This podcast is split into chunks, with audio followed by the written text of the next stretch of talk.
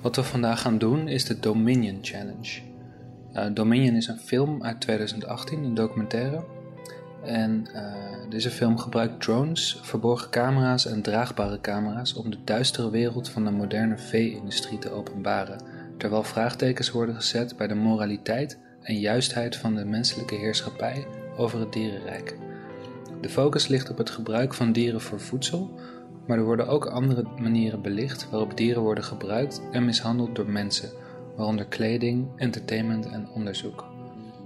Uh, de film heeft een 9,5 op IMDb. En uh, het is een challenge omdat de beelden uh, binnen de film kunnen best wel heftig zijn. Dus de challenge in dit geval is de film uh, volledig uitkijken en vervolgens daarover hebben.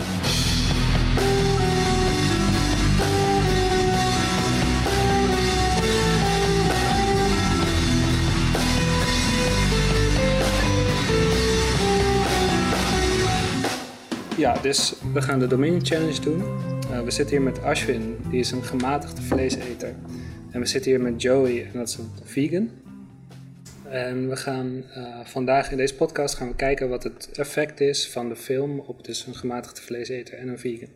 Kijken hoe, de, hoe het beeld verandert van uh, wat ze hebben, van de behandeling van de dieren en van, van de morele standpunten. Ja, en of het beeld verandert. Ja. Dus ja, cool. Nice. Right. Wat ik als eerst wilde doen is eigenlijk even onderzoeken van um, in hoeverre liggen onze morele waarden uh, met elkaar um, gelijk en waar verschillen die? Ja. En dan wil ik eigenlijk beginnen met de morele waarden van dieren. Vind jij dat dieren uh, morele waarden hebben? Mm. Um, ik weet niet of ik de vraag dan helemaal goed begrijp. Maar ik vind. Als in, vind je het waard uh, om. Uh, weet je, kijk, een steen heeft geen morele waarde. Die kun je gewoon in de, in de sloot gooien en niks aan de hand. Ja. Vind je dat ook gelden voor, voor dieren uiteindelijk? Of vind je dat dieren dus wel uh, ja, morele waarde hebben, dus om te overwegen hoe je ja. met ze omgaat? Dus zijn dieren meer stenen of zijn dieren meer mensen? Ja, eigenlijk wel. Ja, dus. Uh,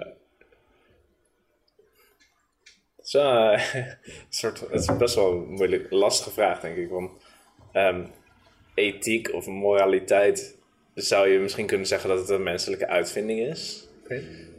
Um, of tenminste, dat het een mens-eigen uitvinding is. Ja. En, en we passen het tegenwoordig steeds meer toe op mensen. Mm -hmm. Dus we uh, wij uh, beschaafde... Op, op, dieren bedoel je? Nee, op mensen. Dus wij beschaafde mensen vinden okay. dat we mensen uh, op een bepaalde manier moeten ehm, behandelen. Ja.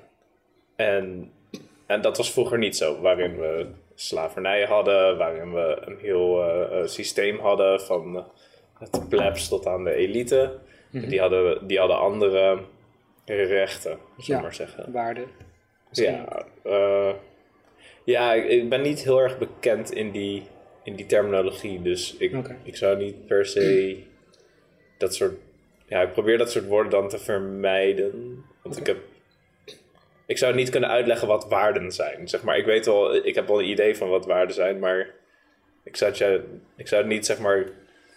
Ja, in, in dit geval ogen... bedoel ik met waarde gewoon echt uh, uh, value, zeg maar. Dus uh, een boer was altijd minder waard dan een koning. Um, ja, qua uh, wat, hij, wat hij mocht doen, wat hij kon doen, geld die hij bezat. En dat ja. ja. Maar goed, ik, ik snap het. Uh, ja, maar ik denk okay. dus uh, als je dat doortrekt. Um, dus ik vind dat we, dat we mensen. dat mensen elkaar goed moeten behandelen. En ik, en ik geloof in mensenrechten. En in feite um, denk ik dat we dat ook wel kunnen doortrekken naar andere organismen die kunnen voelen. Oké. Okay.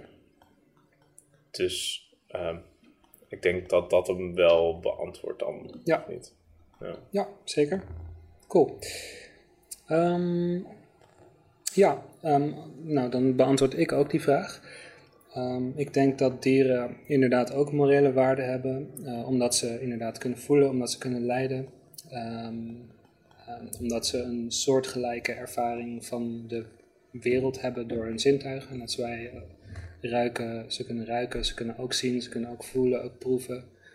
En ze hebben ook familie, dus ik denk dat ze dan op een soortgelijke manier ook eh, behandeld zouden moeten worden. En het komt eigenlijk terug op van hoe, hoe zou je zelf behandeld willen worden. Dat, dat is eigenlijk denk ik dan de, de basis ervan. Van, ik, ik kan me goed voorstellen hoe het voor mij is om um, nou, bijvoorbeeld mishandeld te worden.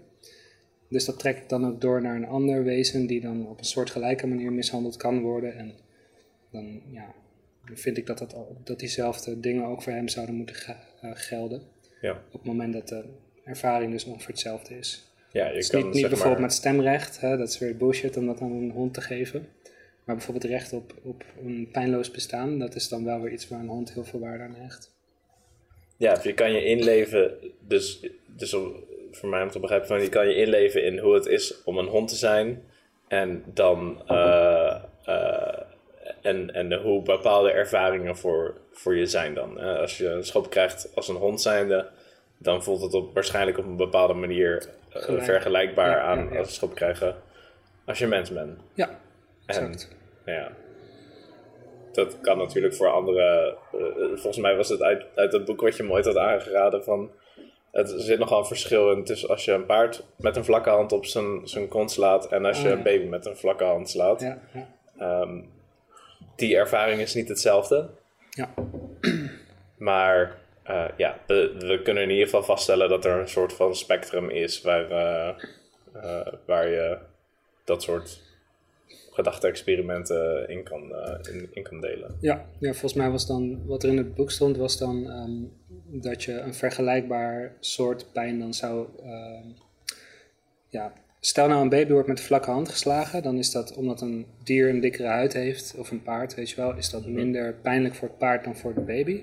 Ja. Dus dan zou je, als het een vergelijkbare eh, pijn heeft, dus bijvoorbeeld het paard wordt met een stok geslagen en de baby met een vlakke hand, dus dan hebben ze dezelfde hoeveelheid pijn, dan zou je, ehm, ja, dan, dan zou je die pijn aan elkaar dus gelijk moeten stellen, in feite, omdat Ja. ze allebei dus een vergelijkbare pijnprikkel hebben en ze allebei eh, eh, ja, bewuste wezens zijn, zeg maar. Ja, het is wel lastig om te doen, denk ik. Maar- Ja, ja, Ja. heel lastig. Ah, je kan, eh, ze kunnen natuurlijk het brein eh, meten met prikkels en eh, ja. stresshormonen en dat soort dingen. Al, al die beesten hebben natuurlijk dezelfde soort reactie op pijn als, als wij mensen. Denk je dat ehm, varkens en koeien een eigen persoonlijkheid hebben? Ehm, ja. Dat ieder individu afwijkt van een ander individu? Ja.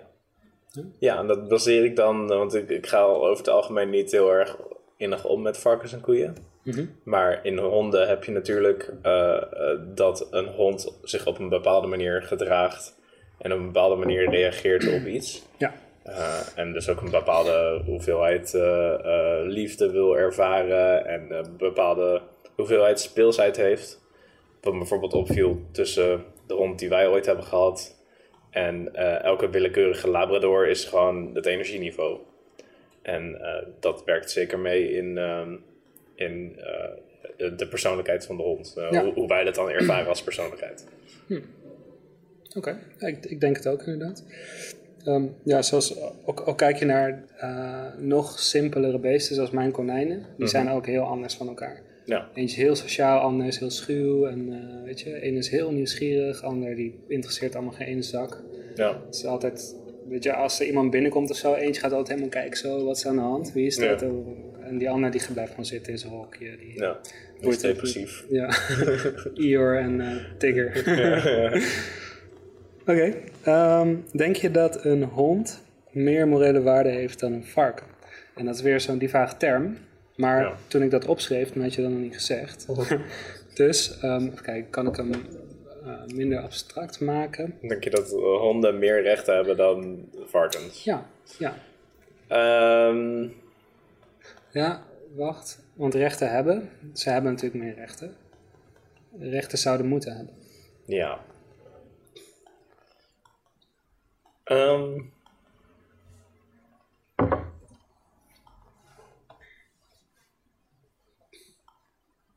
Jesus. Ik denk van. Ik denk dat ze dus vergelijkbaar zijn. Maar ik merk ook dat ik intelligentie dan als uitgangspunt neem. Hè, waarin we dus zeggen van ehm, eh, varkens zijn misschien zelfs slimmer dan, eh, dan, dan honden. Ja, volgens mij zit het heel erg bij elkaar, maar varkens zijn ietsje slimmer. Ik. Ja. Ehm, en dan vraag ik me dus af of die aanname die ik dan doe van... Oh ja, want ze zijn dezelfde intelligentie. Of dat überhaupt een punt is Ja, waar vanuit je kan redeneren. ja. Want stel dat, ze echt, goeie. echt poepdom waren allebei. Maar de ene houden we als huisdieren... En stel dat ze dat vergelijkbare ze intelligentie hadden met, ja, eh, ja. met, eh, met een muis of zo. Oké, ja. Maar ja, de vraag is of de, de reden waarom heel veel mensen eh, zouden zeggen dat honden meer rechten hebben dan eh, varkens, eh, of waardevoller zijn, of weet ik veel wat, is omdat we van honden houden en omdat ze cute zijn. En Ja. heel weinig mensen vinden varkens cute. Ze kunnen wel cute zijn. Ja, ze kunnen wel cute zijn. Ik ken iemand die eh, varkens heel cute vindt. Ja. ja, die kleintjes zijn wel schattig. Ja, ze zijn roze hè, en dat, eh, dat is nice. Maar bedoel, ze zijn ook best wel. Je zou ze niet in huis willen, denk ik. Uh, want ze maken er puinzooi van, dus ze zijn minder schoon en dat vinden mensen weer belangrijk. Oké. En honden, ja, zijn ook wel nasty, maar minder. En katten zijn helemaal zo gewoon ook wel beesten. Leg af en toe een karkas neer in je huis, maar voor de Ja. rest is het wel redelijk eh, clean. Oké, maar dit zijn dus praktische ehm, ehm, van hoe, hoe houd je ze als huisdier. Maar is dat Ja. dan, is de, het niveau van hoe geschikt is als huisdier dan van Nou ja, invloed? Kijk, we waarderen die beesten denk ik meer omdat we ze dus in huis hebben en omdat we ze schattig vinden en Ja. omdat ze intelligent zijn. En, ehm, maar ik vraag, of ik, eigenlijk maak ik de vraag van, is dat wel belangrijk? Ja. En Eh. denk je dat het belangrijk is? ik krijg mijn eigen valkuilen. Eh, of niet. Ehm, maak mijn eigen verlichting aan. ik, eh, ik denk niet dat het belangrijk is. Als in, ehm, als we geen honden hadden als huisdier, dan, dan zou het ook niet aardig zijn om ze op te sluiten in hokjes en Ja. ze kort te laten leven voor eh, ons plezier. Ja, oké. En, en intelligentie, want je maakt een heel goed punt van eh, hè, intelligentie is intuïtief natuurlijk heel erg ehm, sturend. Want ja, wij zijn heel intelligent en eh, wij kunnen met elkaar heel goed, of wij kunnen heel veel empathie tonen naar andere mensen toe. Mede omdat we voorstellen, hè, die zijn ook heel intelligent. En nou, dingen of, of eh, dieren zoals varkens, die, ehm, die zijn dan minder intelligent. Dus dan zijn mensen snel geneigd om te zeggen, ja, die zijn dom en eh, dus, dus minder waard. Ja. Denk je dat intelligentie eh, bepalend is voor eigenlijk dan de, de waarde of ehm, ja, Ehm, het, de- het recht op leven bijvoorbeeld van een beest? Ik denk wel dat intelligentie bepaalt of zij zichzelf makkelijker in leven kunnen houden. Ja. Ehm, maar is het Eh, bepalend? Nou, nou, nou. Insecten kunnen het ook heel goed. Right? Ja, oké. Eh, maar als zij ons hard zouden maken, als zij, zeg maar, zij hele intelligente natuurlijke vijanden hadden, dan zouden ze wel het. eh, Ja, anders oké. spit delven. Ja, ja, dat wel. dus. ehm, Maar het gaat om, de, op- op- om het recht op leven, hè? Of, de, Ja. of de waarde van zo'n ding. eh, dus of intelligentie daar een factor in is. Ja, Ehm, ik denk dat mensen hem als factor zien, Ja. maar ik denk niet dat het erin is. oké. Ehm, tenzij je zou zeggen dat intelligentie eh, ook bepalend is voor de ervaring van zo'n beest. Oké. Dus stel je hebt nul intelligentie, daarmee voel je geen pijn.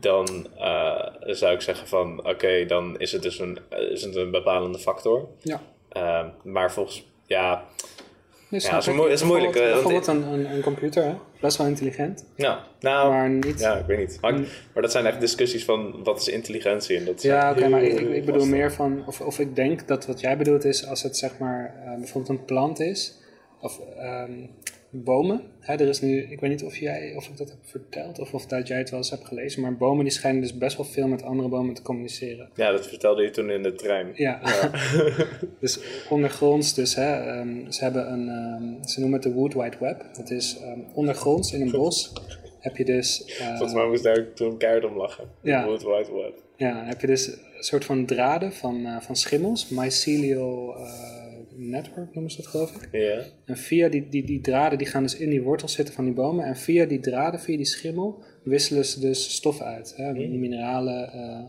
eh, voedsel, eh, waarschuwingssignalen. Staan nou één boom wordt aangevreten, dan zenden zenden ze een, een stofje door, die, door het netwerk heen naar, naar andere bomen toe. Die bomen gaan zichzelf dan beschermen tegen een bepaalde rups. Of als er een boom dus doodgaat, dan eh, laat hij al zijn eh, eh, nutrients laat hij in, die, in dat netwerk zakken, zodat alle andere bomen daarvan kunnen eh, profiteren. Of een soort van moederboom, die dus haar kinderen in feite, dus de, de, haar offspring, eigenlijk voedt via, de, via dit netwerk. Dus ja. je zou kunnen zeggen van, hè, dat is best wel intelligent. Alleen, ja, het is... eh, ehm, bomen hebben natuurlijk geen centraal zenuwstelsel, hebben geen brein. Eh, maar het lijkt intelligent. Dus dan, dan zou ik zeggen, dan, dan lijkt het erop dat het eigenlijk bijna, eh, bijna een machine is, als een stimulus-respons. Mhm. Er gebeurt iets, hij reageert op een bepaalde manier op. hè. Zo'n eh, zo'n plant die, die vliegen eet. De stimulus is dan dat er een vlieg of iets, een stokje kan ook langs die triggers gaat en dan gaat hij dicht. Ja. Weet je, dus het is niet echt van hij denkt van hé, hey, ik wil nu dit eten. Het is gewoon van hè, zijn trigger wordt getriggerd. Ja. Ehm, ik dacht dat je dus zoiets bedoelde met eh, iets wat dus wel intelligent lijkt of wat wel... Hmm. Misschien had ik je gewoon moeten vragen, wat bedoel je? Ja, ja, ik weet niet. Ik vind intelligentie gewoon heel moeilijk. ja, En- oké. Maar ik denk dat het, dat het uitgangspunt eigenlijk is dat ehm, het gaat om de ervaring van een, een dier. En of die dus pijn kan ervaren. eh, dat, dat, dat, dat dat zeg maar het uitgangspunt is dus. Ja, En ehm, volgens mij hadden we het daar net ook kort over, zeg maar, voor dit, eh, voordat we de boel aanzetten, van dat die Sam Harris, die zei van dat hij ehm, het, het kunnen inleven in hoe het is om iets, iets te zijn, zeg maar, als een soort van uitgangspunt gebruikt kan worden. Dus Hmm. hoe is het om een boom te zijn? Nou ja, dat, dat, dat, dat is niet, zeg maar. kun je bijna niet voorstellen. Nee, ik kan, me, ook- ik kan me ook niet meer goed voorstellen hoe het was om een, eh een foetus te zijn. Nee. Ehm, terwijl die misschien wel meer ervaring hebben dan een boom. Ja, maar wat je wel, wat je wel heel veel hebt is, ehm, ehm, dat, dat, dat gebruiken mensen ook echt letterlijk, hè? van hoe goed kan ik me inleven. En dat is vaak hoeveel morele, of dat is, een, dat is heel sturend in hoeveel waarde ze toekennen aan iets. Of hoeveel ze zich druk maken om, het, om de ervaring van, Ja. van, een, van een dier. Dan heb je bijvoorbeeld vissen, die lijken helemaal niet zoveel op mensen, weet je. Maar ja, wel in de zin van ze hebben een brein en een zenuwstelsel en ze kunnen pijn voelen en dat soort dingen. Maar niet, ehm, ja, ze hebben weinig gezichtsuitdrukkingen. Een varken, als die echt eh, pijn heeft, dan zie je, hij heeft pijn, hij is aan het schreeuwen, hij is gezicht, het, eh, weet je, die doet, Ja. die doet ongeveer hetzelfde als wat een hond misschien zou doen. Maar een vis, eh, die heeft dat weer niet. Dus ehm, ja, mensen gebruiken dat ook om, om, om dus, ehm, ja, weet je, vissen worden wat slechter behandeld dan varkens bijvoorbeeld. Ja. Daardoor, hè, vissen worden bijvoorbeeld levend geprocessed, dus gegut, heb ik laatst gelezen. Dus ze halen de organen eruit terwijl het nog leeft. En dat doen ze omdat die dan verser blijft. Eh, omdat ze het niet waard vinden om eerst te stunnen of te, te dood te maken. Ehm, en en, en ehm, ja, bij varkens zou, denken mensen er niet aan om dat te doen, weet je. Terwijl ja, soms gebeurt het wel, maar ehm, ja, over het algemeen zijn mensen het over eens van bij varkens moet je dat niet doen. Ja. Oké. Dus dat is wel eh, iets, ja, Het gebeurt heel veel, alleen het- ik denk niet dat het juist is dat het gebeurt. Eh, omdat je, ik vind dat je dan juist moet kijken vanuit hè, wat, wat kunnen ze, wat zijn hun capaciteiten. Hè? Kunnen ze pijn voelen, kunnen ze lijden, Ja. ervaren ze de wereld, wereld eh, door hun zintuigen, net als wij. En dan daar dat soort eh, afwegingen op maken en niet van hoe kan ik me in, inleven. Ja. Ja. Ik schrijf heel even iets op. Sure. Ik heb gedacht, ik kan vasthouden. Dan schenk ik nog een theetje in. Ja.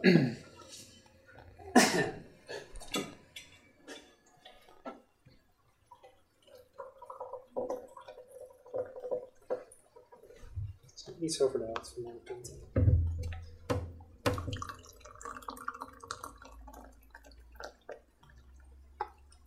Oké, maar tot nu toe lijkt het heel erg op elkaar wat wij vinden.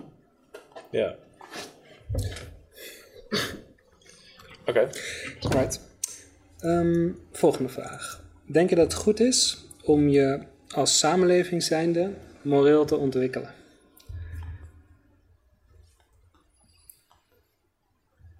Dus eigenlijk vind ik moraliteit belangrijk. Eh, vind- ja, vind je het belangrijk dat dat groeit over de tijd binnen een samenleving? Ik denk het wel. Zeg maar, ehm, ja, ja, ik denk het wel, om- omdat eh, dat zeg maar een omgeving maakt waarin we als het ware harmonieuzer kunnen samenleven. Ja. Ehm, eh, waar voorheen voor een of andere Jezus het eh, gebruikelijk scheen te zijn om oog om oog, tand om tand te doen. En we daarna een beetje zo eh, wat meer gaan richting eh, ja, wat meer vergevingsgezindheid, eh, eh, volgens mij.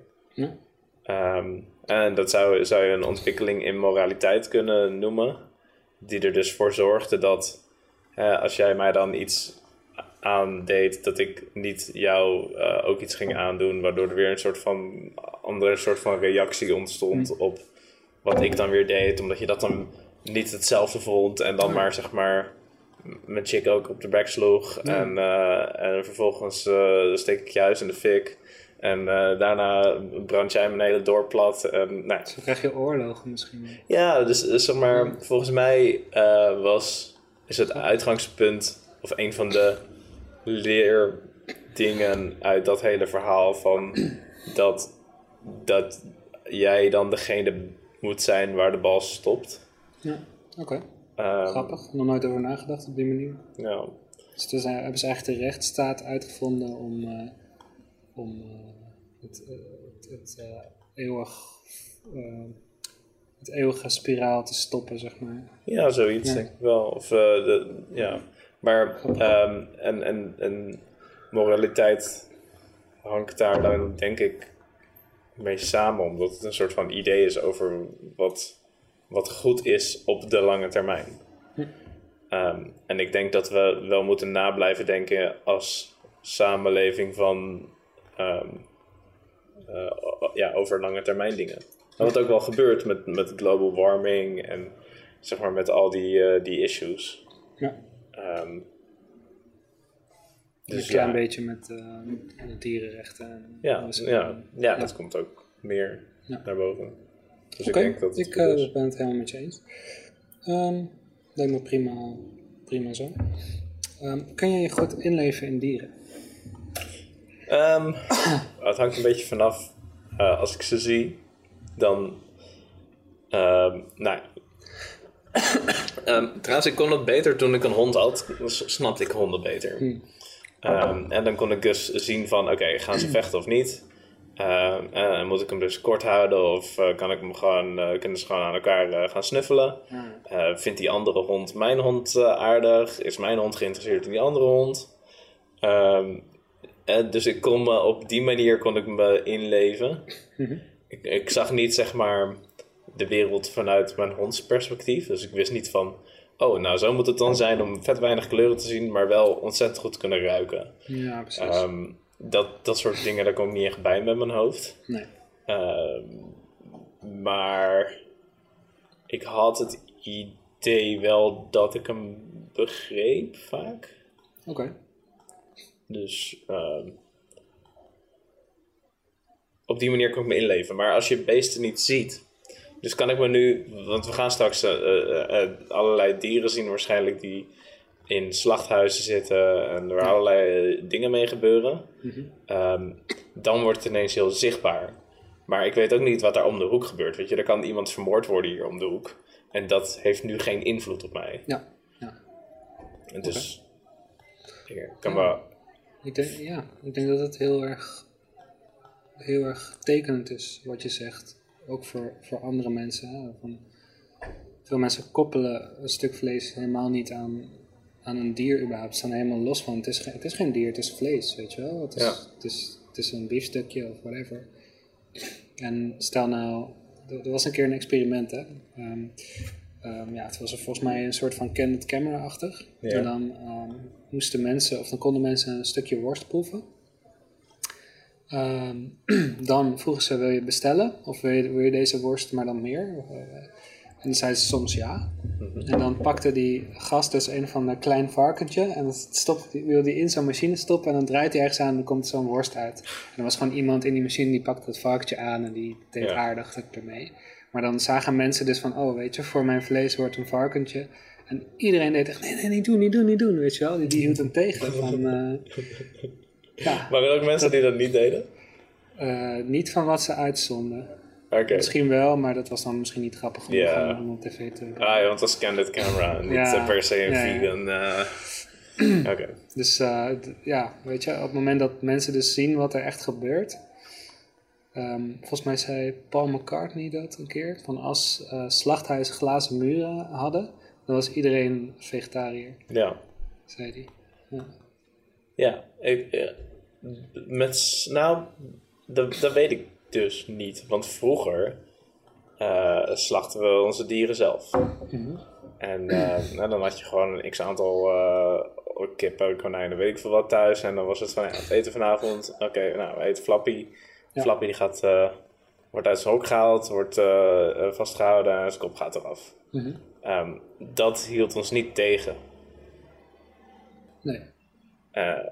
Maar ik zou wel zeggen dat de manier waarop, tenminste het beeld dat ik nu bij Slachthuis heb, zo chockerend is, dat het mensen zeg maar, volledig naar de andere kant zou kunnen eh, brengen met, eh, met hun standpunten over, eh, over dieren, Ja, dieren eten. Dat, het is meer een traumatiserende ervaring, denk ik, dan een, ehm, dan een logisch beredeneerde ervaring.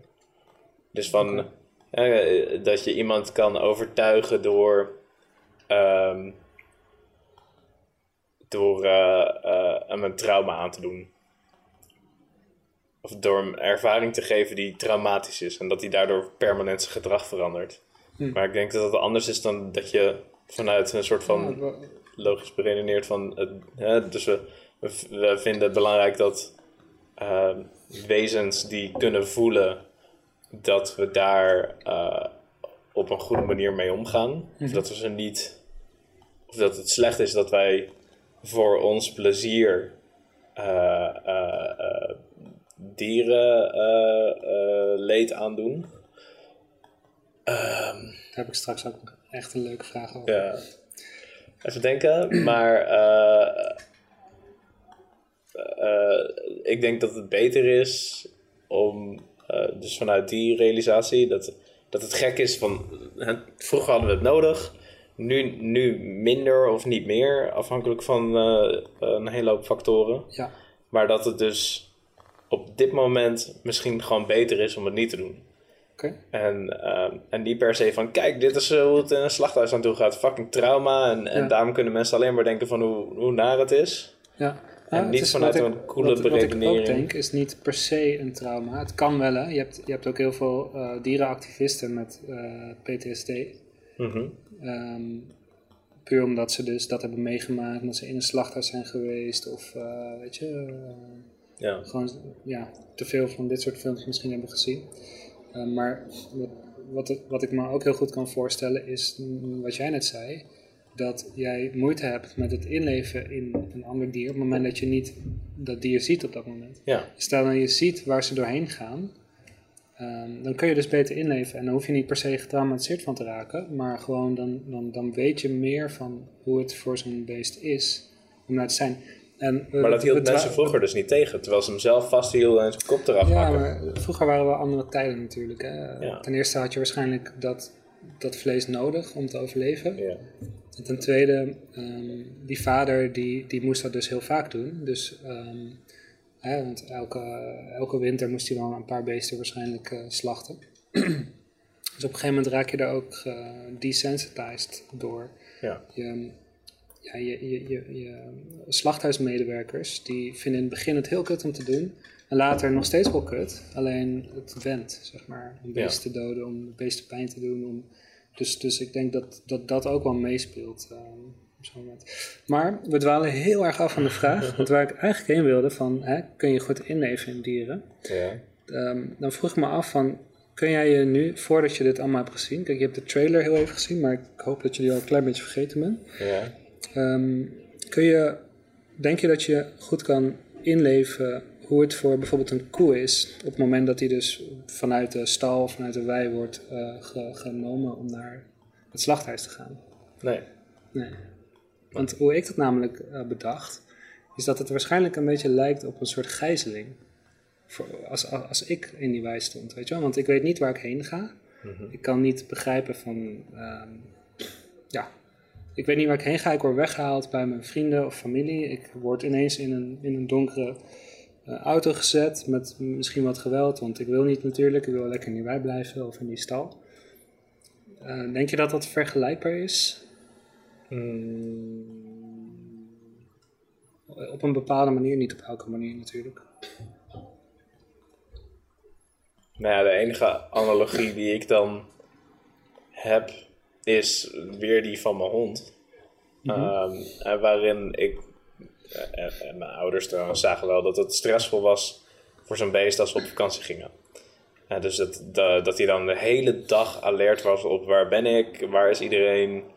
Ehm, Ja, en, het niet. En dat als je dan eenmaal aankomt ergens, dan nou, vrolijk rondlopen en aan alles snuffelen en overal zijn territorium afbakenen, weet je wel. Ja. Maar ehm, wel heel moe, denk ik. Zeg maar, vakanties waren vermoeiend voor dat beest. Ehm, dus ik kan me wel iets bij inleveren, of inleven. Eh, ik zou het niet een gijzeling willen noemen, maar ik zou het wel een stresser willen noemen. Oké. En zo'n transport bijvoorbeeld? Eh varkenstransporten die eh, afhankelijk van hoeveel sterren beter leven je koopt qua vlees, ehm, is de, de maximale reistijd bepaald van zo'n zo'n beest. Ja. Als je geen sterren beter leven koopt, dan kan die volgens mij onbeperkt vervoerd worden. Dus hij kan vanuit eh Syrië of zo hierheen worden gereden in, in theorie.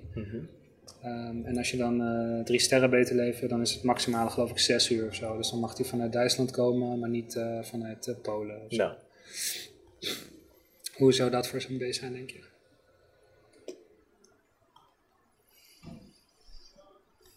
ik denk dat langer reizen kutter is voor zo'n beest. Ehm, aan de andere kant.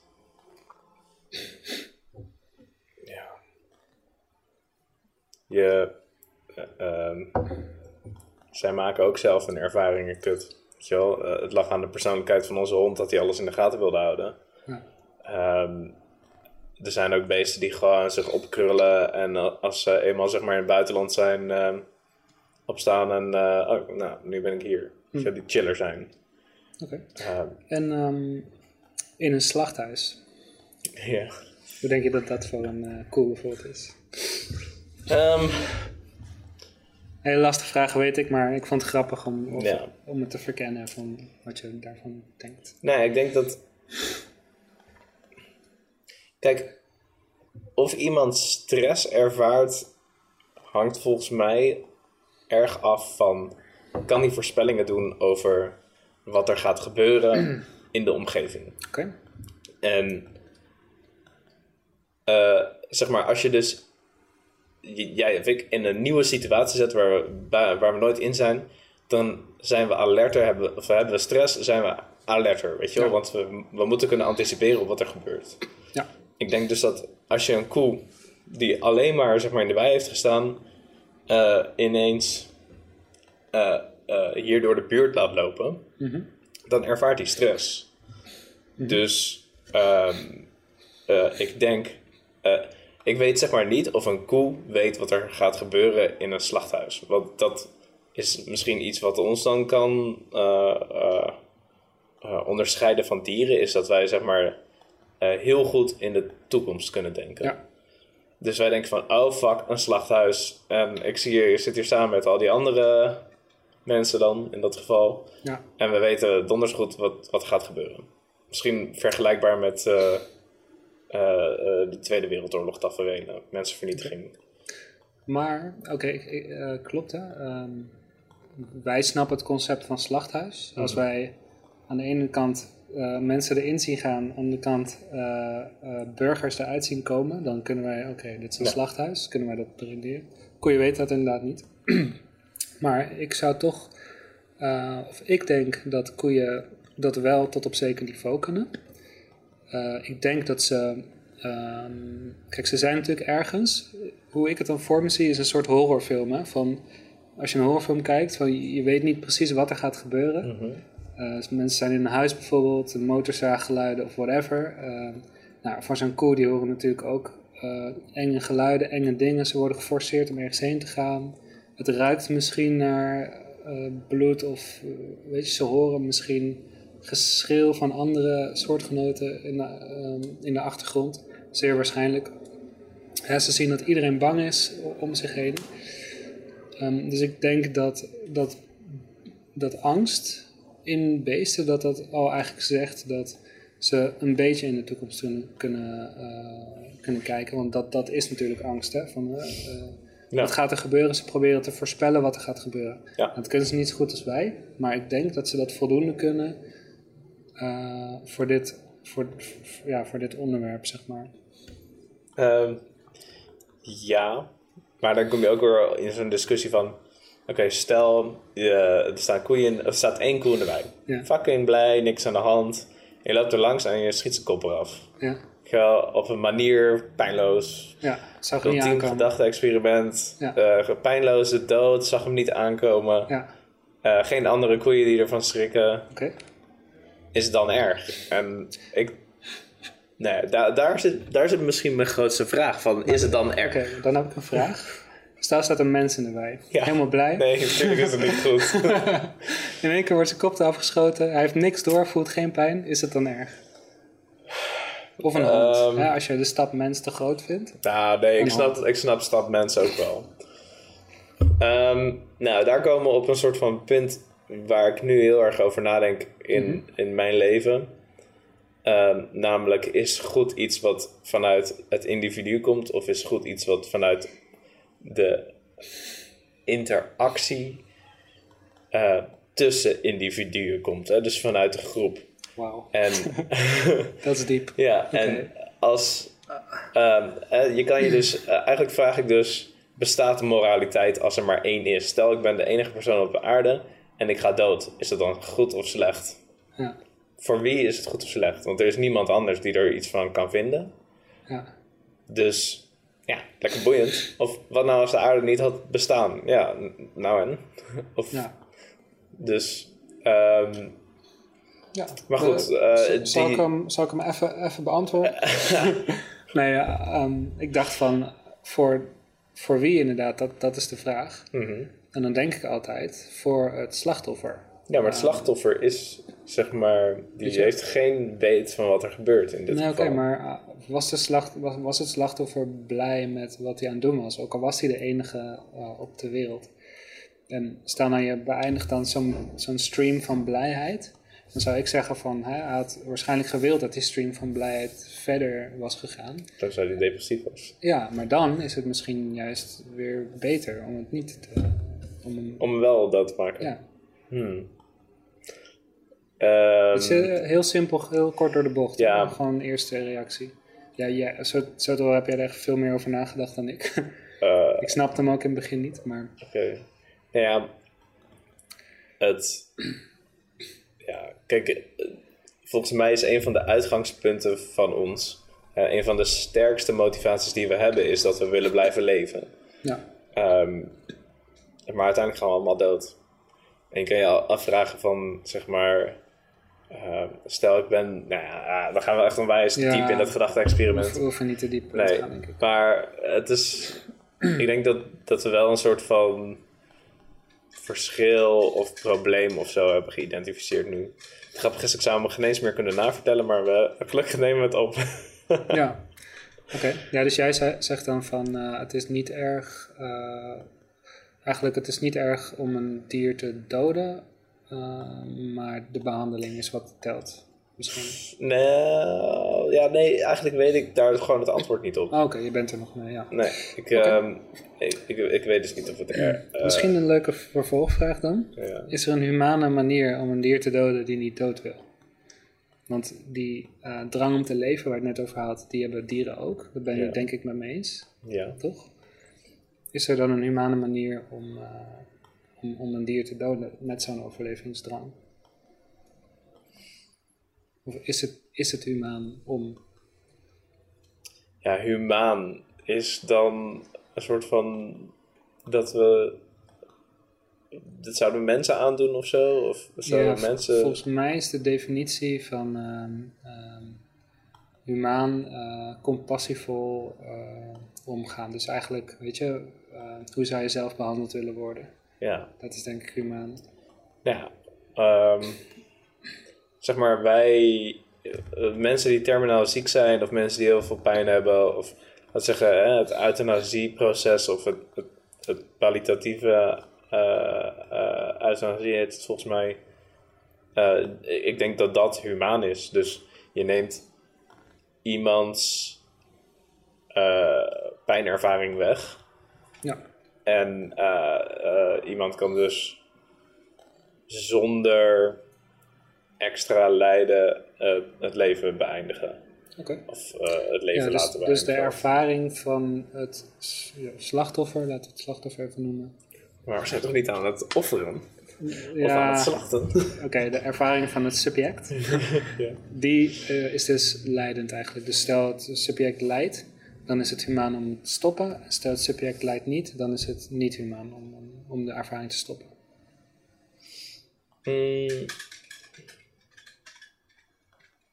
In het geval van, eh, van eh, terminale ziekte? Of? In het, in het algemeen. Dus stel, dus, dus dan als je vanuit de ervaring denkt van het, van het subject, dan zou je dus een, een terminaal zieke hond, zou je dus eh, uit zijn lijden verlossen in feite. Mhm. Terwijl een, niet, een, een gezonde hond zou je dus niet uit zijn lijden verlossen, want die ervaring is niet eh, vervelend genoeg. Mm. Klinkt voor mij heel logisch. Ja. trouwens. Eh, Toen, ehm, toen onze hond dus op een gegeven moment eh, eh, eigenlijk te ongezond werd om te leven, ehm, eh, had ik daar wel het een en ander over gelezen, zeg maar. hè. Ik kreeg dan van de dierenarts informatie over. Ehm, en dat het dus ehm, in feite gaat om het plezier van leven. Dus eh, eh, schiet, heeft dat beest nog plezier in zijn leven, ja of nee? Ik denk dat dat bij mensen hetzelfde is. We nu een beetje bij mijn opa's en oma's zie. Eh, is. eh, of nou, misschien is dat het slechte. Wat ik, wat ik zag bij eh, mijn oude coach, die er dus op een gegeven moment voor heeft gekozen om, om niet meer verder te leven, is dat hij zei van op, op deze manier haal ik er geen plezier meer uit. Of iets in die trant. Ja, Ehm, en waarin uh, hij had nog prima kunnen blijven leven, maar dan had hij aan een nierdialyse machine moeten liggen, uh, eens in de zoveel dagen. En dat zou gewoon ontzettend veel gedoe zijn, ook voor zeg maar zijn omgeving. Hm. En hij had zoiets van: ik, uh, zeg maar, op deze manier heeft het geen zin. Of dan is zeg maar wat je eruit haalt staat niet meer zeg maar, op een goede manier ten opzichte van wat je erin stopt. oké. Okay. Dus hè, daarvoor was hij ziek en weinig energie en allerlei ongemakken. Maar hij haalde er heel veel plezier uit, zeg maar, uit de dingen die hij nog kon doen. Ja. Maar op een gegeven moment, toen zijn nieren ermee ophielden, stopte dat. Dus zeg maar, toen zei hij van ja, op deze manier heeft gewoon geen zin. Dan, dan zijn de leuke momenten, die zijn er gewoon niet meer zoveel. En dan, dan leef je dus alleen maar voor kleine, leuke momenten. Oké, ik, eh, ik snap het en eh, ik, ik ben het ermee eens. Ik denk dat dat eh, een goede manier is om, eh, om ermee om te gaan. Ja. Oké, ehm, ja, dat waren ze zo'n beetje. Ehm, Oké, dan ga ik nu de... Martin Phillips kijken. Ja. Terwijl we de film bekijken, stopt de opname even. Dus tot straks. Ik denk dat het goed was om het te zien. Oké. En ehm, wat jij ziet is natuurlijk vreselijk. Ehm, maar ik, ja, ik, ik had het idee al. Ik, ik heb ooit zeg maar een video gezien van, ehm, van de Consumentenbond. Of niet de consument, nee, eh Keuringsdienst van Waarde. En eh, die, die lieten zeg maar ook zien wat er in het slachthuis gebeurde. Dus ik had een idee al. Oké. Ehm, en ja, wat hier was het zeg maar net eh, wat uitgebreider. Hè? Dus dat het over verschillende diersoorten ging. Mhm. En dat. ehm, ja, misschien dat ze meer stilstonden bij, bij de verschillende onderdelen, bij de details. Eh, dus bijvoorbeeld castratie van beesten of de afknippen van staarten of Ja. ehm, eh, snavels van, eh, van kippen en dat soort dingen. Mhm. Dus het, was, ehm, het geeft een beter beeld. Oké. Cool. Ja, ik, eh, ik vond het eh, leerzaam. Ik wist een aantal dingen niet. Ik weet, eh, veel wist ik ook wel, omdat ik er natuurlijk al best wel in zit. Mhm. Maar een aantal dingen wist ik ook niet. Dus ik vond het op zich best wel interessant nog om naar te kijken. Gewoon om te, te zien van, nou, ten eerste hoe het er eraan toe gaat. En ten tweede wat de stappen zijn die heel veel mensen weet je, over het hoofd zien. Weet je, bijvoorbeeld met, ehm, met schapen. Van ja, maar weet je, wol is toch, eh, daar, daar is, dat is toch niet erg. Het wordt afgescheerd en afgeschoren. En Mhm. ehm, ja, weet je, wat is daar nou erg aan? Maar ja, wat ze dus nu laten zien is dus dat die schapen ook hun staarten afgeknipt krijgen, allerlei andere nare dingen nog. Ja. Worden geslagen omdat ze natuurlijk niet bepaald meewerken. Terwijl, ja, die mensen moeten natuurlijk wel, die hebben een quotum of ehm, ja, die, die, Ja. die krijgen misschien betaald per dier of, eh, of moeten zoveel per uur doen of zo. Mhm.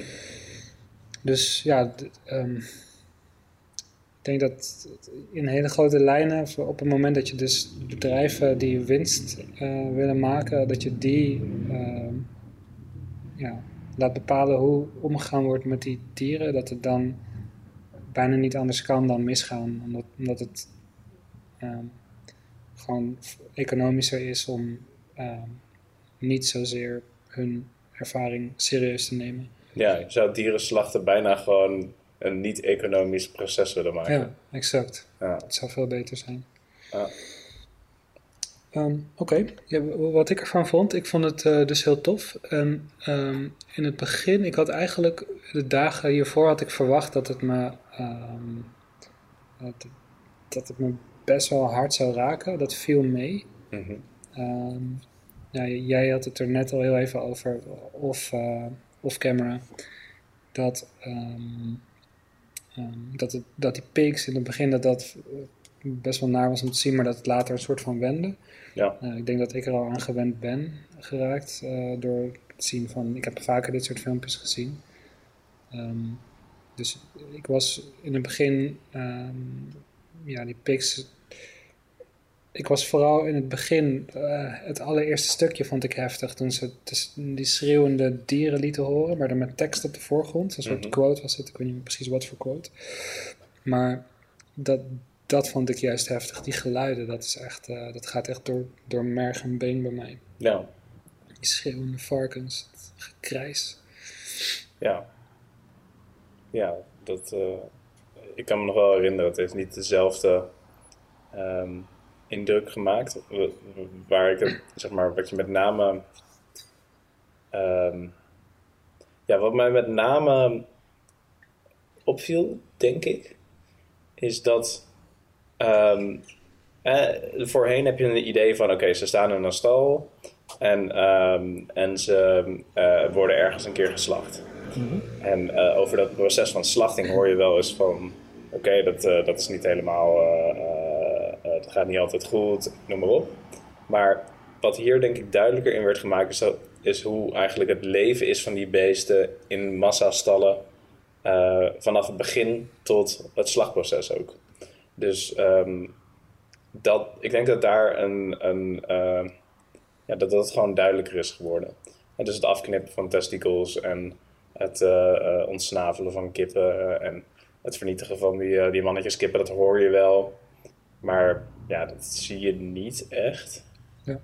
Ehm, en dan met die, ja, met die varkens, ik moet eerlijk zeggen dat we hebben zoveel verschillende dieren, ging het op een gegeven moment over. En de details zijn, maar een beetje, Ja. eh, zijn alweer een beetje naar de achtergrond verdwenen. Maar ja, dat je gewoon eigenlijk een beter beeld krijgt ook van het leven in zo'n slachthuis, waar jij het wel vaker over had. Ehm, dat je eh, eh, dat zo'n beest eh, die moet door een of ander pad heen lopen en je ziet gewoon dat, dat hij dat niet wil. En ehm, ja, dat, daar is ook een soort van meer inzicht in gekomen. Er zit ook veel lijden. Ja, dat, zeg maar, het hele proces, eigenlijk vanaf de geboorte af aan is het gewoon kut.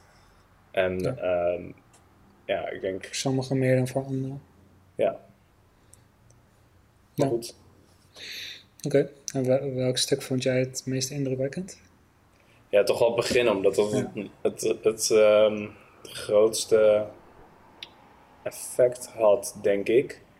En met die, ehm, wat ik wel zei, van ja, je, je ziet varkens, ze worden vreselijk behandeld. En daarna koeien en kippen en schapen en kamelen en eh, geiten en otters en weet ik veel wat. En dan, ja, dat was gewoon meer van hetzelfde van ja, natuurlijk, vers- en wat me opviel was dat sommige schapen dus gewoon kaal worden getrokken.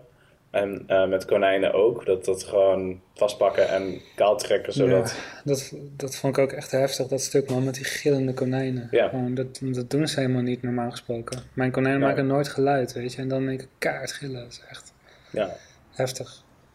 ik had een keer eerder gezien op een eh, soort van JAF-demonstratie. Toen was ik echt vet klein nog.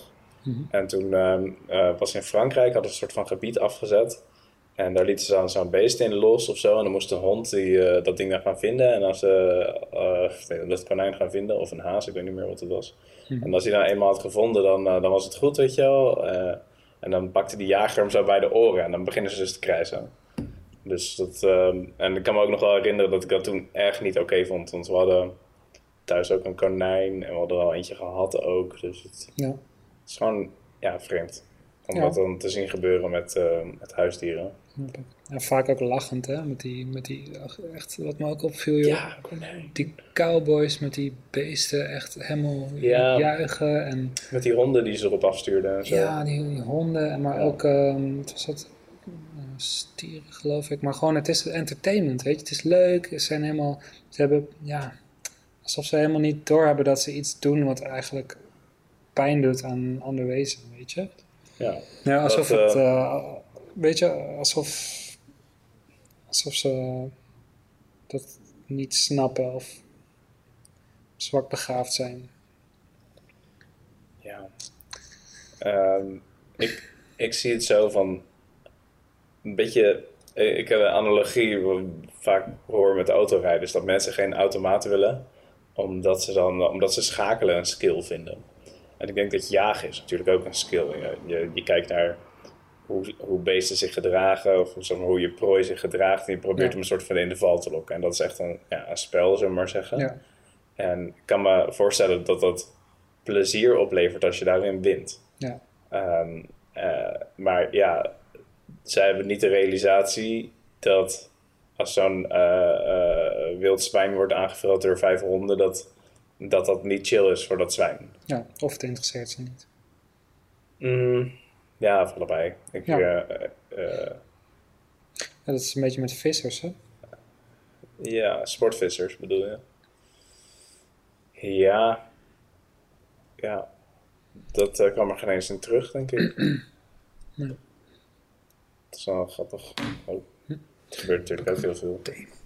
Ja, dat is ook gewoon een spel en eh, Ja, wel echt een spel van eh, met name gewoon geduld. ja, Maar Ik denk dat veel vissers zich ook niet echt realiseren dat het gewoon pijn doet. En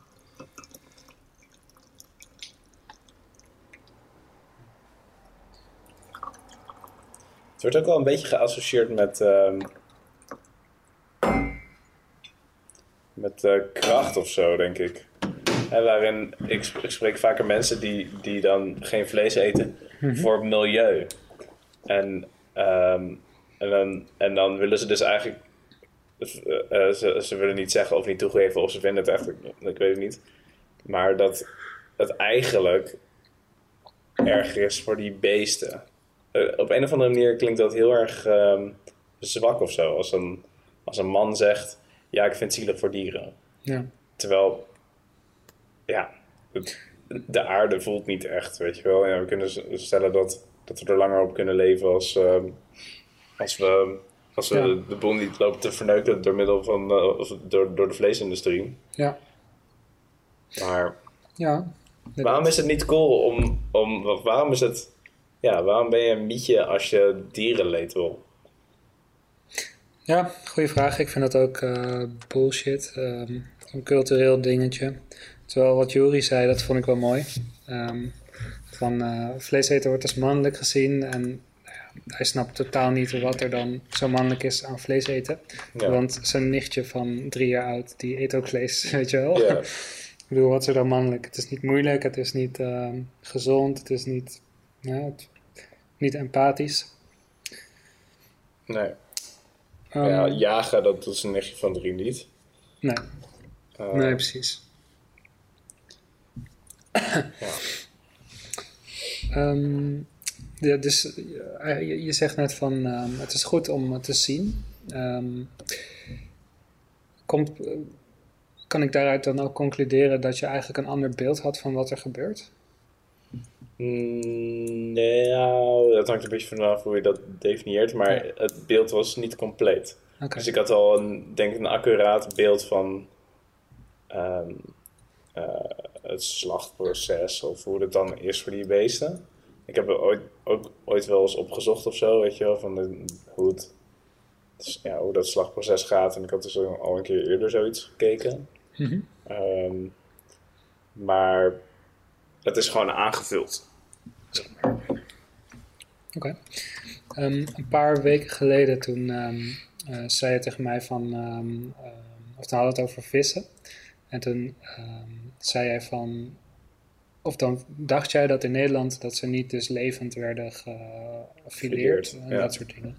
En toen heb ik dat even gecheckt en dat, dat blijkt dus eh, wel zo te zijn.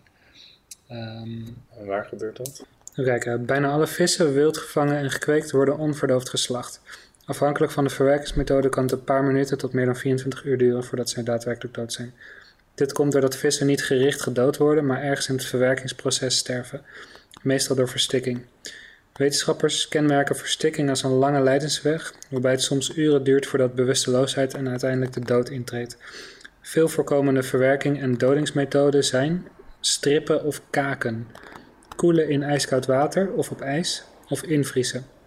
Vaak is het een combinatie en worden vis eerst gestript of gekaakt en vervolgens gekoeld in ijswater of ingevroren. Nou, vraag je natuurlijk over wat kaken of strippen. Ja. Bij kaken of strippen worden de organen uit levende vissen getrokken of gezogen. Levende vissen. Dit gebeurt onder andere bij haring, tong en school. Veel vissen zijn hierna nog niet dood. Uit onderzoek blijkt dat vissen na het strippen nog 25 tot 65 minuten op pijnprikkels reageren. Ook bij koelen met ijskoud water of op ijs blijven de vissen nog lang bij bewustzijn. De kou maakt de vissen immobiel, maar verdooft ze niet. Wetenschappers noemen deze methode extreem stressvol. Uiteindelijk stikken de vissen na 10 tot wel 200 minuten lijden. Doden door invriezen gaat gepaard met vergelijkbare welzijnsproblemen. Ja. En wa- waar ik het dus. ehm ehm, oh, even mijn aantekeningen erbij. hè. Ja, waar ik het dus over wilde hebben. ehm, kijk, jij dacht dat dat niet zo was. Ik dacht dat dat wel zo was. Waarschijnlijk omdat ik dit al eens wat had gelezen, maar toen was vergeten weer. Maar wat zegt het nou dat jij dacht dat het wel zo was? Dat het niet zo was. Eh, Ja, sorry. Dat, dat ze dus... eh, jij dacht dus dat ze niet levend werden ehm, verwerkt, zeg maar. Dus opengesneden, dat soort dingen. Ja, ik dacht dat ze gevangen werden, op een hoop worden geflikkerd en dat ze dan stikken en doodgaan. Oké, En- wel stikken. Niet uh, humanere manier van... eh, oké. Ja, stikken. Oké. En eh, dat ze dan terug worden gevaren en dat ze dus als een pakketje als het ware verkocht wordt. Mhm. En dat dan later in de winkel of zo, of in zo'n viskraam, dat ze daar dan de organen uithalen. En eigenlijk, ja, misschien vergelijkbaar. met- Nou, ik weet het niet. Oké. Ja, en zegt dat dan ik. dat jij ook een... ehm, dat je eigenlijk een, een, een hogere dunk had van de mm, Nederlanders die dat dan doen? Dat je dacht dat ze daar wel rekening mee zouden houden in een maatschappij zoals deze? Nou, ik heb er eigenlijk nooit zo over nagedacht. Want ik hou niet van vis om te eten. Eh, dus, nee, hier ben ik nooit zo mee bezig geweest. Oké. Ehm, Oké. Een moeilijke vraag. Als dieren goed worden behandeld, rechtvaardigt dat dan een doodmaken van een dier wat niet dood wil? Ja. ja, ik denk dat we daar dan een soort van waren gestopt voor de, voordat we dat ding gingen kijken. Van in Ja. hoeverre dat dus ethisch of niet is ehm, om een dier leven te ontnemen. Op welke manier dan ook. Ja. Ehm,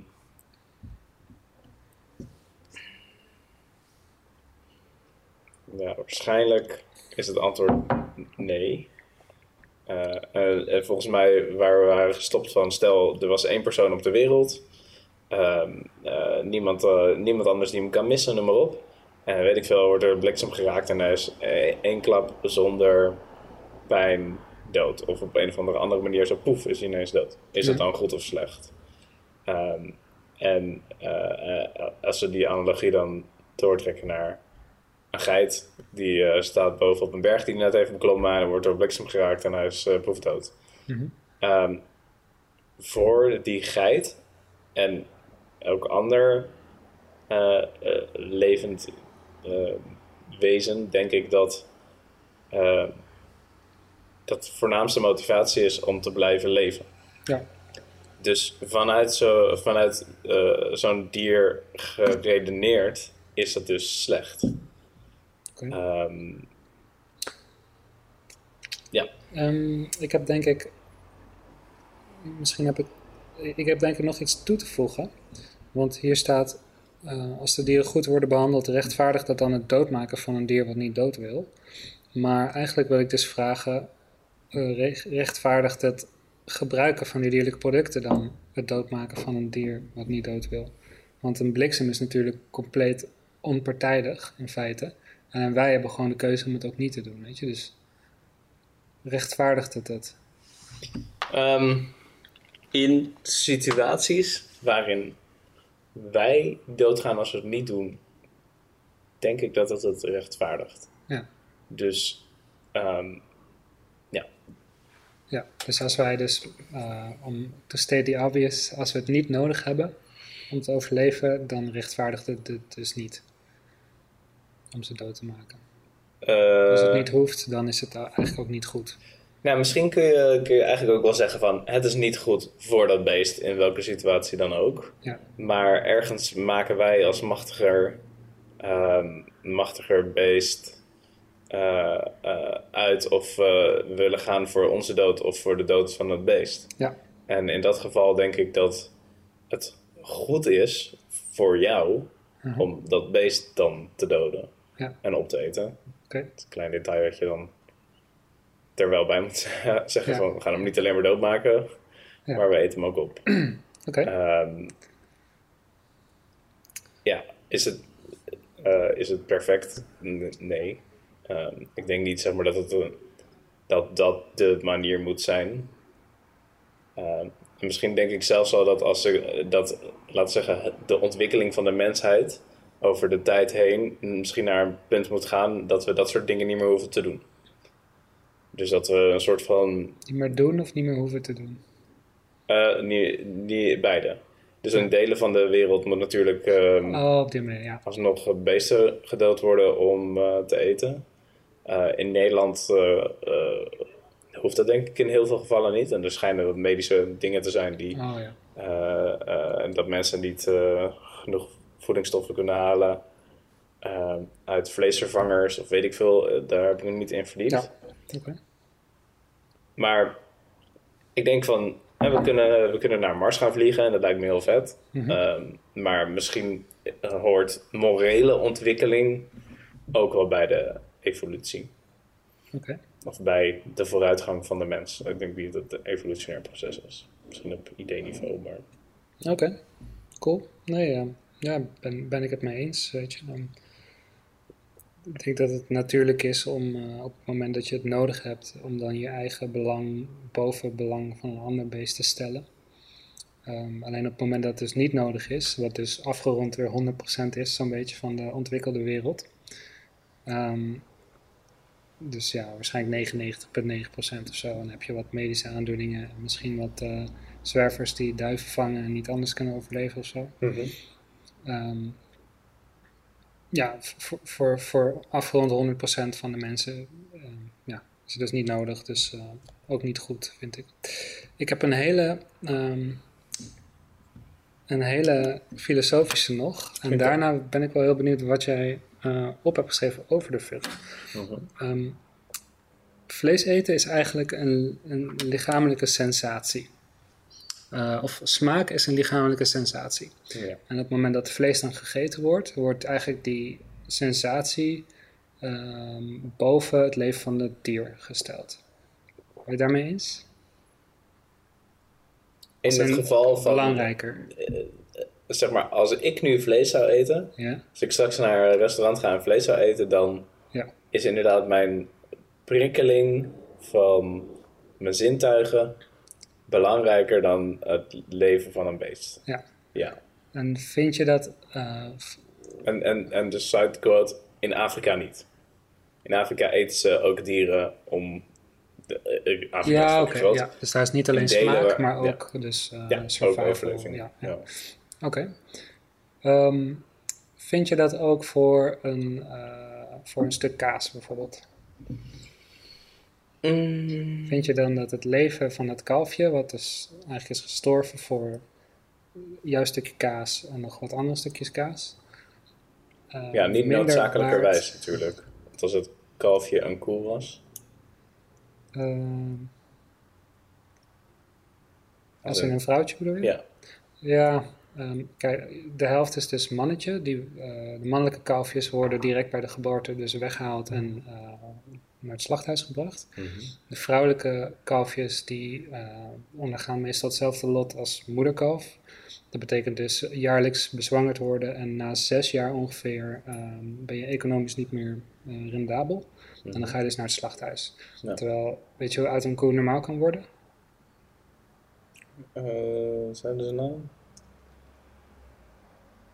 20 tot Ja. 40? Eh, 20. ik, ik dacht 20 jaar. Dus, ja. Dus 20 jaar. Dus, dus ehm, de koe is of dus bij een aantal dagen of weken oud doodgegaan. Als het een mannetje was. Of ehm naar vleeskoeien gaan natuurlijk rond 6 maanden of zo eh, naar, een slachthuis. Mhm. Maar melkkoeien die gaan dus rond een jaar of zes. Maar in elk geval ehm, ja, zijn er dus doden gevallen. Ja. Vind je dat dan het waard? Voor een stukje kaas? Of voor de smaak van kaas? Of... Ik denk dat het grote verschil is met vlees, is dat het, dat het nog wat verder, eh, nog wat abstracter is. Dus wij, wij kopen nu geen stukjes koe, maar we kopen biefstuk. Ja. Ehm, volgens mij had jij me dat ooit verteld. En we rebranded en daarmee kunnen we, eh, eh, zien we niet meer wat, waar het vandaan komt. Ja. Ehm, we slachten zelf geen koeien, dat laten we andere mensen doen en die mensen doen niks anders. En, ehm, eh, dus voel ik me verantwoordelijk voor wat er eh, ergens in een slachthuis in, eh, in, in het oosten van het land of zo, weet, ik veel waar dit gebeurt, ehm, wat daar gebeurt. Hè? En, en heb, ik zeg maar, heb ik daar een heel groot aandeel in. En ik denk zeg maar, hè, met vlees ehm, is dat een stap die wat dichterbij zit nog. Bij, bij, bij heb ik daar aandeel in dan met ehm, kaas of melk. Ja, het aandeel is ook wat kleiner, Eh, denk ik. Omdat er meer melk natuurlijk per dood kalfje uit een ding komt dan Ja. vlees is gewoon gelijk een stuk lichaam. ja. Precies, en koeien geven veel melk. En hoeveel melk Ja, drink maar ik nou? dus En- de- stel nou je neemt een, een zandkorrel aan vlees, dus dan is het dan vergelijk misschien aan een... Of stel we maken het gelijk. ja. Dus is dan een zandkorrel vlees wel ehm, eh, het, ehm, ja, het stukje dood waard voor de smaak? Mm. Dus dan heb ik één eh, echt heel erg groot deel eh, schuld aan, aan de koe. Ja, een heel klein deeltje. Ja, dus een, een minuscuul deel van een supergrote hoeveelheid. Ja. Ehm, is het het dan waard? Ja, dan... Oké, ja. misschien, misschien is die vraag ook niet helemaal handig. Ehm, Nou ja, ik weet niet. Wat- We kunnen hem onderzoeken, zeg maar. Het hoeft niet per se die vraag te zijn, maar er zit wel iets in. Als in van... eh, ik eet ook niet een hele koe op. Nee. Eh, dus ik heb ook maar een deel schuld bij als ik, een, eh, als ik 100 gram eh, vlees eet in de week. Ja. Ehm, dus Oké, maar misschien moeten we niet zozeer op, op proporties zitten, maar meer op vind je, stel nou, voor elk stukje vlees moet een hele koe bijvoorbeeld dood, mhm. of dan hebben we het misschien weer over proportie, maar vind je dus die smaaksensatie, vind je dat het leven van het beest waard? Of het lijden van het beest waard? nee. Oké. Nee. Oké. nee. En daarom eet ik ook vet weinig vlees. Ja. Dus, en ik eet vlees als een soort van Maar je eet het wel. Ja, maar ja, ik woon met mensen. En ik eet wel eens eh, buiten de deur, eh, of hoe heet het, Ja. dat bij mensen buiten de deur. En dan kan ik dus voor kiezen om een statement te maken en zeggen van, ja, ik wil geen vlees eten. En als jullie dat toch maken, dan ga ik het niet eten. Ja, Eh, niet, of- alleen, niet alleen een statement, hè. Het is ook, weet je, één keer in de zoveel tijd red je weer een koe ermee. Ja. Eh, Over een mensenleven is het geloof ik 100, eh, of nee, over een jaar dacht ik. Nou, ik, ik 100 dieren over een jaar of over een mensenleven wat je als ik één dag, bespaart als je dus geen vlees eet. En als je zes van de zeven dagen geen vlees eet? Ja, dan een, Zes van de zes zeven, zevende denk ik ja. ervan.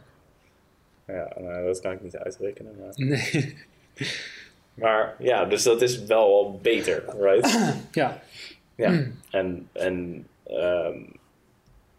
ja, en ik koop het niet. Of Ja. bijna nooit meer, denk ik. Dus, ja, ja. ik weet niet. Het, het, Het klinkt alsof je het helemaal met me eens bent. Alleen je acties dus iets anders zeggen. Dus dat er een soort van nee, mijn acties, tegenstrijdigheid is. mijn acties, nee, laten we zeggen, ik heb nog niet de behoefte om eh, tegen andere mensen te gaan zeggen van ik eet geen vlees en daarom moet jij ook je gedrag aanpassen. Oké. Want dat is het statement, denk ik. Van, ik, jij bent dus een zevende beter dan ik. Nou, oké, je bent vegan. Laten we zeggen. eh, je, jij, jij, bent al, jij bent al beter voor dieren dan, dan ik. Op een Ja. of andere manier. Ja, want jij eet één dag per week vlees. Zoiets. Zoiets. Ik hou het niet bij. En zuivel? Mm, ik drink eigenlijk geen melk. Wat ik me zit te bedenken is dat ik af en toe optimaal Melk. koop. Dus daar zit vast wel Maar e- elke dag wel iets van melk of ei of kaas. kaas, denk ik. Een plakje, zomaar zo'n zo'n voorgesneden ding per dag. En, eh, en misschien af en toe optimaal. En eieren eet ik heel weinig, maar Oké. En als... ehm, ik, ik had een, een grappige... Ik had eigenlijk gehoopt dat je ja zou zeggen. Als in... eh, het, de smaak is het wel waard. Ehm, want ik, heb, ik, ik had een grappige, grappig concept. Ehm, vlees eten, of de smaak, is eigenlijk een lichamelijke sensatie. Wat je Ja. dan boven de ervaring of het leven van het dier stelt. wat dan als je, die, als je dat concept pakt van lichamelijke sensatie eh, tegenover de ervaring van het dier, maar dan de lichamelijke sensatie wijzigt? Dus wat zou je ervan vinden als een bedrijf, een bedrijf eh, bijvoorbeeld seks met dieren zou aanbieden tegen betaling? Dus dan heb je eigenlijk, het concept is hetzelfde als vlees eten, Ja. maar dan de ja, sensatie is iets anders. Ja. Ik had ooit een eh, gedachte-experiment dat eh, zwembaden van dierenbloed hebben. En Ah, dat, dat mensen dan zeiden van... ja, maar het is zo lekker, weet je wel. En ja. Ehm, ja, seks is altijd zo'n zwaar beladen onderwerp. Ja, Ehm, nee, dat is ook niet goed. Eh, nee. is Tenzij die beesten er plezier aan ondervinden. Maar ik, ik denk, Laten we er niet van uitgaan. ik- het is... ehm, het is niet hetzelfde, denk ik. Want je doodt ze niet. Ehm, maar je misbruikt ze wel. Ehm, ja, dus ik vind het niet hetzelfde, maar het, wel, het valt wel in de categorie. Ja. mm, dat zou je eigenlijk niet doen. Ja, oké. Oké. Ehm, ja, heb jij nog iets interessants over de film op, opgeschreven? Dat weet ik niet. Nou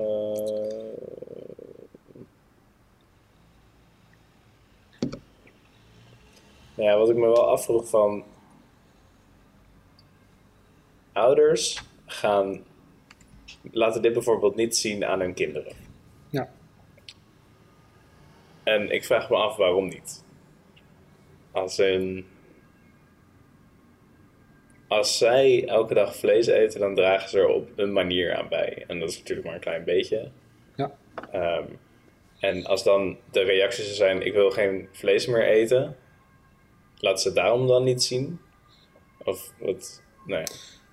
Een hele goede vraag. Ik denk dat veel meer mensen. Ik denk eigenlijk dat. Ik, ik heb best wel veel respect voor wat, wat jij nu vandaag hebt gedaan. Want je had ook kunnen zeggen: nee, ik heb er geen zin in. En die trailer is al best wel heftig, dus ik hoef niet te kijken. Maar ik vind dus dat op het moment dat iemand dus bijdraagt hieraan. Ook al is het best wel weinig zoals jij doet, maar je draagt wel bij. Hè? Je be- Je betaalt deze mensen die dit moeten doen, die slachthuismedewerkers. Ehm, eh, dus op het moment dat je daaraan bijdraagt, dat je eigenlijk ook wel op de hoogte moet zijn en niet naïef moet zijn over wat er gebeurt. Weet je, net als ja, ehm, ja, elk ander ding. Als je, als je bijdraagt aan. eh, Global warming, ja, precies. Eh, als je, als je Best wel- onderdrukking. bijvoorbeeld, ja. Dat je, dat je eigenlijk de verantwoordelijkheid hebt om er iets mee te doen. En dat heb jij dus nu gedaan. Je hebt jezelf op de hoogte gebracht. En eh, misschien heeft dat invloed nog. Misschien ga je er wat anders over nadenken. Of misschien besle- besluit je voor jezelf van... Hè, ik weet het nu en ik heb er vrede mee en ik laat het zo. Ehm, dus, dus dat is supergoed. Alleen wat dus mensen normaal gesproken doen... is eh, die weten dat niet. Die krijgen dat ook niet te weten. Die willen dat denk ik ook niet weten. mhm. En ehm, enerzijds, kijk, de industrie gaat het niet vertellen. Die gaat niet op de, op de eh, boodschappenplank eh, een filmpje afspelen van hier komt dit stukje gehakt vandaan, weet je wel. Ehm, ja, dus, dus, dus de industrie gaat het niet vertellen. Die wil het eigenlijk zo ehm, Geheim. geheim mogelijk houden. Daarom zetten ze ook op, op melk pakken, zetten ze blije koeien met misschien een kalfje erbij whatever, terwijl het, de realiteit is het tegenovergestelde. Ehm, maar de mensen zelf, die willen, niemand wil horen dat ze iets fout doen, natuurlijk. Dus ik denk dat als een moeder dus het besluit maakt om het kind geen eh, inlichting te geven hierover, mhm. dat ze dat eigenlijk doet. ehm, ja, ze heeft zelf een, een, een blinde vlek daarvoor. Ze wil niet dat weten. Ehm, ehm, ze, ze vertrouwt de bedrijven erin en ze vertrouwt de mensen erin dat ze humaan omgaan met, met dieren. Dat er welzijnsnormen zijn in een ontwikkeld land zoals Nederland. En ja, die zijn er ook wel. Alleen Ik denk dat we het erover eens zijn dat die gewoon eh, zo minimaal zijn dat ze er bijna net zo goed niet hadden kunnen zijn. Ik ben er niet van op de hoogte, dus geen Oké. idee. Ehm, nou, er zijn bijvoorbeeld eh, eisen aan de grootte van een hok. Weet je, je mag geloof ik eh, qua varkens, de laagste norm is eh 0,7 vierkante meter per varken. Of 0,8 vierkante meter per varken. Ja. Dus dat is een, dat is een kooi dan, hè? een hok. Ja. Eh, dat is het minimale, je mag niet kleiner dan dat. Dus dat is een, dat is een eis daar, een welzijnseis. Ehm Ja, dus je denkt van dat die, die ouders al. Of dat die ouders hun ogen dicht houden zelf ook voor wat er gebeurt. En ja, ja. Ehm, en dat komt deels eh, door cognitieve dissonantie. Weet je wat dat is? Zodat je, als je er verder vanaf staat, dat je er dan minder aan doet, toch? Eh, nee. Ehm, even kijken. Cognitieve dissonantie is ehm, even kijken, het ongemakkelijke gevoel dat ontstaat wanneer je gedrag in strijd is met je normen en waarden. Oké. Dus ehm, eh, ik had een stukje van een site geplukt. Veel mensen die dierlijke producten eten voelen zich wat ongemakkelijk rondom veganisten of het onderwerp veganisme eh, of vegetarisme, omdat het hen herinnert aan de cognitieve dissonantie. Dus dat is dus het ongemakkelijke gevoel dat ontstaat wanneer je gedrag in strijd is met je normen en waarden. Mhm. Of wanneer je wordt geconfronteerd met feiten die niet overeenkomen met wat je gelooft. Ehm, dus het besef dat je eetgedrag in strijd is met je innerlijke overtuiging, dus dat je tegen dierenleed bent. Mhm. Iedereen is tegen dierenleed, alleen ja, wat je eet, dat, dat, dat komt er niet mee, dat is niet compatibel daarmee. Ja. En dat bezorgt je een rotgevoel. Ehm, En we proberen dat gevoel te ontwijken. Ja, precies. Dus dan moet je dus of, dus je hebt een overtuiging, ik wil geen dierenpijn doen. Dan heb je gedrag, ik eet dierlijke producten. Eh, en dan is de, de informatie is dan dierlijke producten veroorzaken dierenleed. Ja. Grappig, ik wil even op inhaken, want ik Ja. heb dit een keer eh, met een vriendin van een vriendin van mij over gehad. En zij zei zoiets van, ik wil het niet zien, want het kwam erop neer dat ze eigenlijk al genoeg aan haar hoofd had.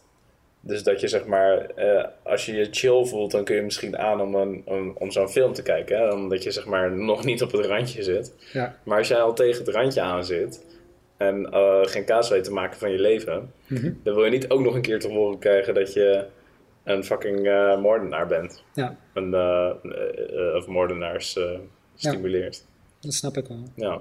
Alleen dan is er een verschil, want het, het grappige met dieren eten is het hoeft helemaal niet. En het kost ook niet zoveel moeite om het niet te doen. Namelijk, ja, je moet het niet doen in plaats van wel doen. Volgens mij is het wel een grote gedragsverandering.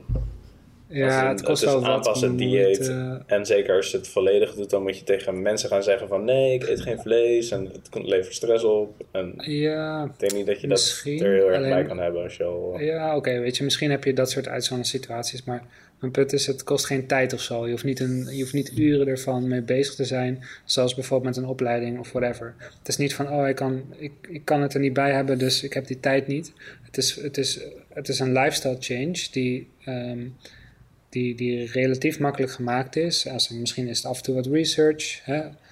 Eh, als je het minimale doet, dan eh, eh, heb moet je een half uurtje in de supermarkt langer doorlopen. En dan heb je een mandje vol met vegetarische dingen in plaats van vleesdingen. Ja, maar als jij bij mensen over de vloer komt en ze hebben er geen rekening mee gehouden en jij bent vegetariër, dan moet je een gesprek gaan aangaan wat wel vervelend is. Ja. En Snap ik. Ehm, alleen dus op het moment dat iemand dus wordt geconfronteerd met eh, dus de stelling van hè, wat jij doet, dat eh, vermoordt dieren. Dan kun je dus of je kop in het zand steken en zeggen van het, doet me niks en ik kan het niet bij hebben en ik wil het zo laten. Of je kunt ehm, preventief, dus zonder dat je die films ziet, ook zeggen van oké, blijkbaar vermoord dieren. Ehm, ik, ik doe het niet meer. Het is niet ja, maar, dat, zeg maar die keuze, die keuze levert stress op.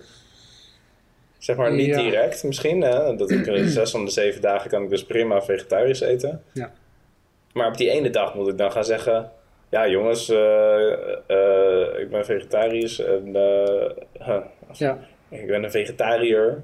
Oké. En, en dat, dus ik ga dit niet eten, ik ga zelf naar de supermarkt nu. Dat is nogal een statement, zeg maar. Dat is nogal van, dat, zeg maar, dat is bijna zo, ja, ik vind je eten niet lekker. Ik ga wel zelf even boterhammetjes smeren. Ja, ja, ja, ja. Of eh sambal saus over alles heen flikkeren. Chill. Oké. Hey, het is eh, kwart over vijf, Wat? dus we moeten even stoppen. Er was helaas geen tijd meer om het gesprek voor te zetten. Een week later hebben we een vervolggesprek gehad. Maar door technisch falen van de opnameapparatuur kunnen we het niet laten horen. In het gesprek hebben we het gehad over slachthuismedewerkers, verantwoordelijkheid en sociale druk. Ook overweegt Ashwin een experiment te doen, waarin hij twee weken lang volledig vegetarisch eet. Bedankt voor het luisteren. Uh, wil je meer horen?